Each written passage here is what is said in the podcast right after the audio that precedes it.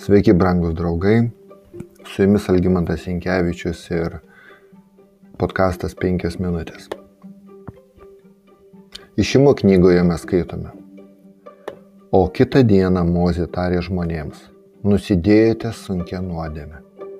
Bet dabar aš užkopsiu pas viešpati, galbūt pajėgsiu atlyginti už jūsų nuodėmę. Po to Kas įvyko Izraelio tautoje, mes apie tai kalbėjome paskutinius praeitus du kartus. Mozė kreipėsi į žmonės. Ir tai, kas įvyko visai neseniai, jo tautoje jis vadina didelę nuodėmę. Tokiu būdu jis parodo žmonėms tos jų nuodėmės beprotiškumą ir mastą. Ir jis nusprendžia eiti pas tą, kuris yra vienintelė viltis, reali viltis ir galintis padaryti geriausia šioje nelengvoje ir sudėtingoje situacijoje. Toliau nuo 31 eilutės mes skaitome. Taigi, Mozė sugrįžo pas viešpatį ir tarė. Deja, ši tauta nusidėjo sunkia nuodėmė pasidarė savo dievą iš aukso.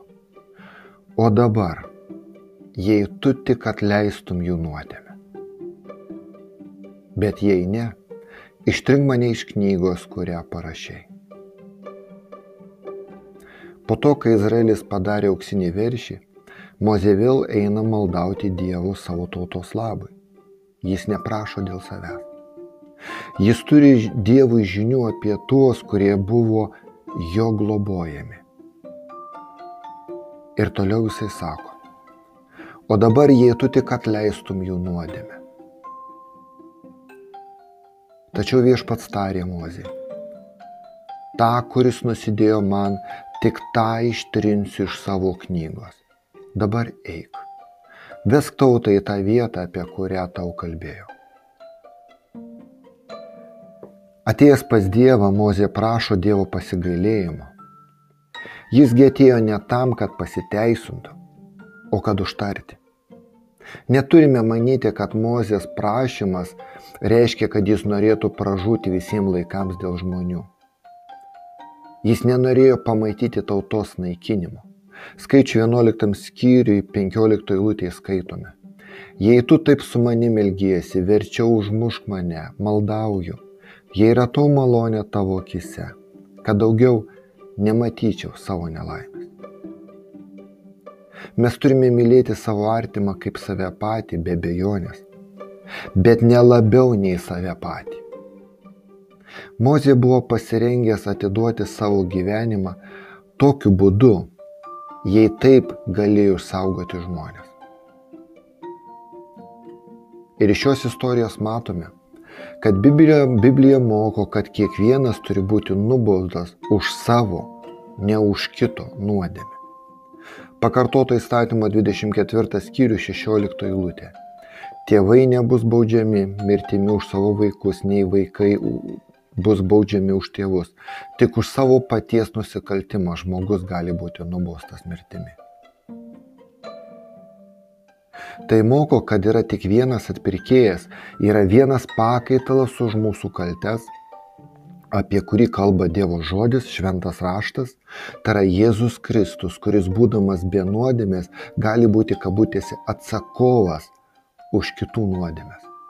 Pirmame Petro laiške antrame skyriuje 24 eilutėje skaitome. Jis pats savo kūnę užnešė mūsų nuodėmės ant kryžiaus, kad numirė nuodėmėms gyventume teisumui. Jūs esate pagydyti jo žaizdomis.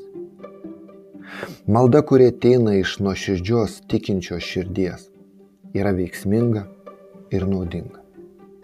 Tiesa, Dievas ne visada atsako į mūsų maldas taip, kaip mes tikimės, kaip mes laukime, kokie yra mūsų planai, mūsų viltis, mūsų vizijos, kaip mes galvojame, kad tai yra tikrai geriausia ir Dievas tik tokiu būdu turėtų atsakyti. Nes iš tikrųjų mes nežinome, kas būtų geriausia mūsų didžiausiam labai. Mes net dažnai nesuprantame savo širdies, savo troškimų, savo motyvų, nes raštas sako, širdis yra perdėm apgaulinga. Bet galime būti tikri, kad Dievas savo begalinę meilę ir išmintimi, amžinasis kuriejas ir gelbėtojas, mūsų viešpats ir mūsų karalius, duos mums labiausiai reikalingų dalykų. Džiaukimės, mano brangieji draugai, jo malonė. Su jumis buvo penkios minutės ir Algymantas Inkevičius.